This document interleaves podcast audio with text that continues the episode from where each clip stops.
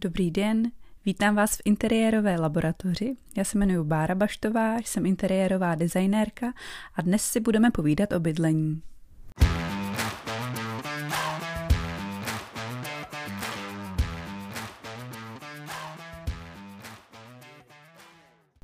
A abych začala něčím zajímavým, u čeho se nebudete určitě nudit, rozhodla jsem se podívat na bydlící bizáry a nakouknout do opravdu netradičních domácností. Tak jdeme na to.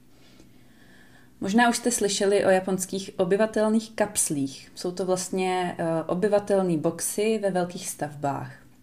Boxy jsou naskládány vedle sebe a jsou propojeny úzkými uličkami a nejčastěji se je pronajímají úředníci nebo zaměstnanci, kterým se nevyplatí cestovat domů, uh, protože cesta trvá třeba dlouhé hodiny, takže se tam jen ubytují, přespí a celý den jinak tráví v práci.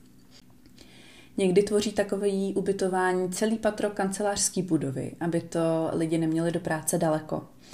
Původně tyhle hotely sloužily ke krátkodobému ubytování podnikatelů, ale stále víc a víc lidí v nich žije trvale.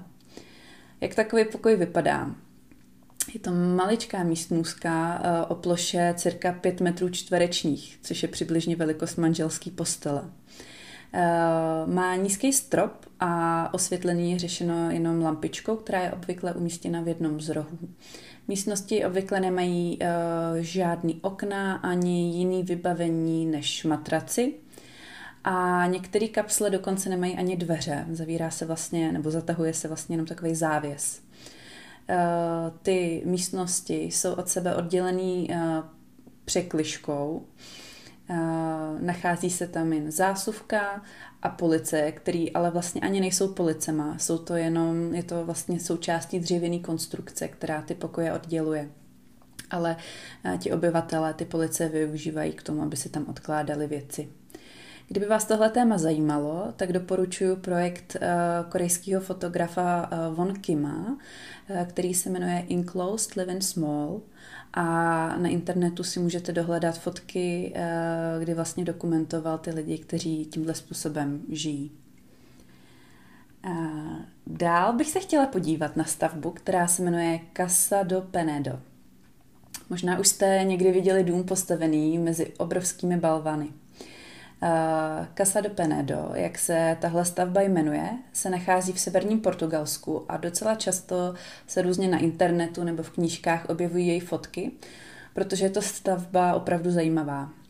Dům je postavený mezi čtyřmi balvany a navrhl ho inženýr, eh, no, jestli to přečtu dobře, eh, Gimares v roce 1972 a měl sloužit jako taková víkendová chata pro jednu místní rodinu ale protože ta stavba byla tak unikátní a lákala čím dál tím víc turistů, tak se rodina nakonec musela odstěhovat a, a dnes je z té stavby muzeum. Jestli jste ten dům někdy viděli, tak člověk by řekl, že se tam jako úplně žít nedá. Zvenku vypadá dům jako nějaká strašně stará stavba, ten prostor mezi balvany, což je vlastně ten dům, je ohraničený betonovýma a kamennýma zdma, Materiál zvenčí připomíná povrch těch kamenů, takže vlastně to vypadá, že ty kameny tak nějak přechází v tu zeď. A celkově je ten dům tak eh, zvláštně tvarovaný, že člověk úplně neví, jestli vůbec drží eh, ta jeho konstrukce pohromadě. Ale opak je pravdou. Dům drží, eh, má dokonce dvě patra a i když do něho není přivedená elektřina, překvapivě je docela slušně vybavený. Je tam malá kuchyňka, obývací pokoj uh, i ložnice a, a dokonce je na střeše bazén a ten vypadá moc hezky. Uh, ta stavba je celkově uh, velmi zajímavá, tak se na ní určitě podívejte. Dalším bydlením, o kterým si povíme, je dům, který se nachází asi 13 kilometrů od obce Čiatura v Gruzii. A zajímavé je tím, že se nachází na přírodním vápencovém sloupu, který se nad uh, okolím tyčí ve výšce 40 metrů, což není zrovna málo. Uh, stavba, která plní funkci kláštera, byla postavena v 90. letech a dnes tam žije jeden člověk, a to mnich Maxim uh, Kaftardze. Ten klášter tam nevzniknul náhodou. Právě díky tomu, jak výrazný přírodní útvar to je a kolik pozornosti v krajině vzbuzuje, se k němu od pradávna lidé nějak vztahovali a dost často ho považovali za posvátné místo. Do domu vede 40 metrů dlouhý žebřík a kdybyste tam chtěli vyšplhat, bude vám to trvat asi tak 20 minut. Pokud jste ale žena, máte smůlu, protože ty mají vstup do kláštera zakázaný. Ten žebřík nevypadá úplně bytelně, eh, je sice kovovej, eh, má nějaký, nějaký eh, vnější chránění, aby člověk nespadl, ale já bych tam teda určitě nešla. Ale samozřejmě ta stavba láká hodně turistů. Na tom místě může být jen jeden mnich, nesmí se jich tam sejít víc najednou. Když byste se dostali nahoru, tak byste zjistili, že eh, se ten klášter skládá z několika malých staveb. Eh, je to vlastně kostel, krypty a tři poustevnické cely a hlavně vinný sklípek. Ten kostel není úplně velký.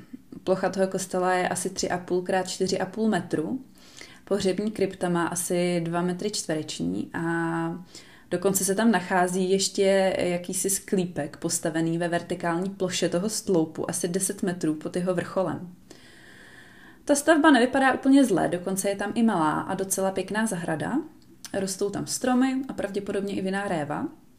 Zřejmě se tam i nějak topí, protože stavba má komín. Je tam kladka, eh, která tu stavbu spojuje s tím životem dole a dobrovolníci tam pravidelně posílají věci, eh, které ten měch potřebuje k životu. Takže i takhle se dá bydlet. A nebo se dá bydlet úplně jinak, jako třeba Jack Nicholson, Kirk Douglas nebo Warren Beatty, kteří údajně měli ve svých domech tajné podzemní tunely vedoucí do známého sídla Playboye. Ty tunely měly být postaveny v 70. letech a kompletně uzavřeny eh, v roce 1989. Když se podíváte na internet, určitě najdete spoustu článků eh, a třeba i výkresy, eh, které k těm tunelům byly prý vytvořené. Tunely měly vést pod golfovým hřištěm, ale je otázka, jestli je tohle celý pravda nebo ne protože Playboy s tou informací přišel poměrně nedávno, ale tunely nikdy nikdo nezdokumentoval žádnýma fotkama, takže je to možná celý jen nějaký vtip nebo taková ta městská legenda. Každopádně ty výkresy jsou určitě zajímavý, tak se na ně podívejte. Dalším dost bizarním bydlením je dům, který je věrnou kopií letadla Airbus A380. Dům se nachází ve městě Miziara v severním Libanonu, což je město proslulý svýma netradičníma a luxusníma domama. Stavba byla postavená v roce 1975 Michaelem Sulejmanem, libanonsko-australským podnikatelem a jeho manželkou, kteří aktuálně žijí v Austrálii. A dům tady už neobývají a využívají ho jako svoje letní sídlo. Michael Sulejman byl od dětství leteckým nadšencem. Snil celý dětství o tom, že si postaví takový dům, který vypadá jako letadlo a tak si svůj sen v dospělosti splnil. Dům opravdu věrně napodobuje toto letadlo, ale nejedná se o letadlo, které by si majitelé představili na bydlení, právě naopak. Dům postavili tak, aby letadlo připomínal, a to zejména zvenčí. Dům se nachází na jednopatrové stavbě, která z pohledu ulice napodobuje přistávací plochu. Poměrně malý pozemek je po všech stranách obehnaný plotem a stojí přímo vedle silnice. Je z něho opravdu luxusní výhled do okolí to letadlo je dvoupatrový a na každé straně jsou takový ty typický ovální okýnka. Dovnitř se vchází po velkým kamenným schodišti, který připomíná takový ty letadlový schůdky.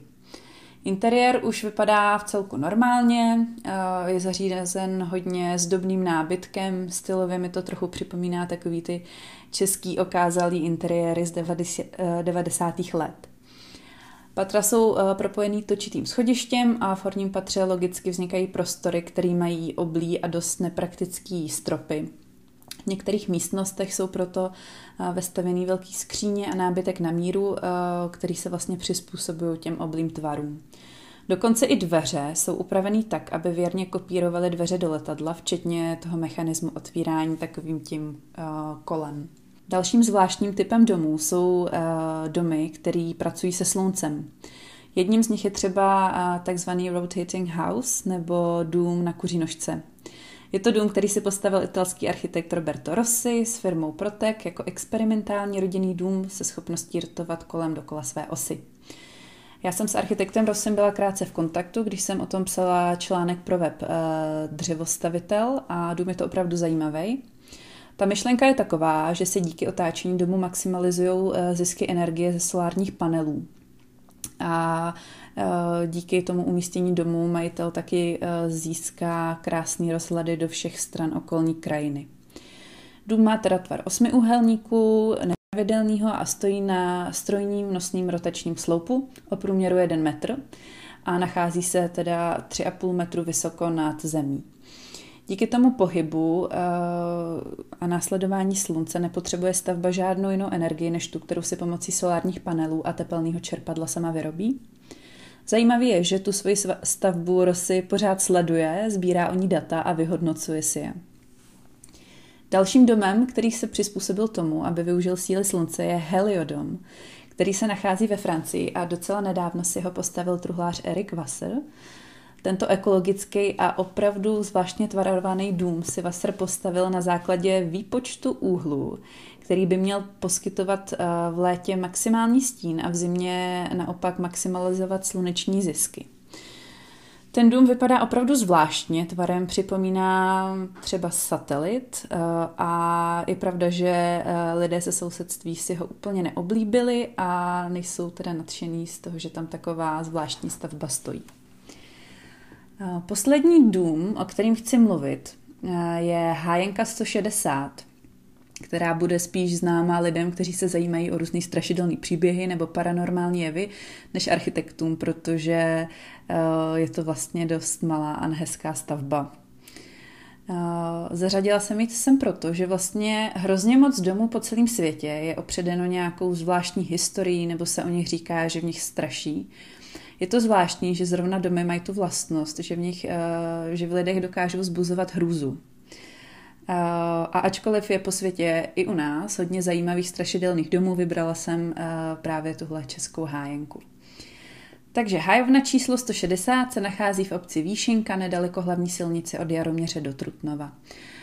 Údajně se v domě v 50. letech stala šestinásobná vražda a kolem té události koluje celá řada příběhů, a neví se přesně, co se tehdy stalo. Nějaký eh, mluví o nacistech, nějaký zase o nějaký eh, šílený eh, ženě, která tam vyvraždila celou rodinu. Mluví se tam i o tom, že dům byl postavený na místě nějakého předchozího hrobu hajného, takže těch příběhů je opravdu hodně. Tvrdí se, že v domě levitují předměty, padají hrnečky z polic, jsou tam slyšet kroky nebo vidět ve tmě nejasná světla. U domu se taky nachází kamenný kříž, který se samovolně ohýbá směrem k domu. Hájenka 160 je taková typická hájenka na kraji lesa, z části omítnutá, z části obložená dřevem, okna má mřížovaná a pozemek je oplocený a obehnaný živým plotem. Některé okna mají dřevěné okenice, do domu se nedá úplně snadno dostat, ale občas se o to různí nadšenci pokoušejí ale vlastně eh, se úplně neví, jak stavba vypadá uvnitř, protože eh, k tomu nejsou žádné fotky. Občas někdo něco vyfotí přes okno, ale ty fotky jsou dost eh, jako nekvalitní a není tam nic moc vidět. Já doufám, že jste si povídání o bydlících bizárech užili a dozvěděli se něco zajímavého, co jste ještě nevěděli. Tak se mějte krásně, děkuji za pozornost a možná se někdy ozvu s nějakým dalším tématem.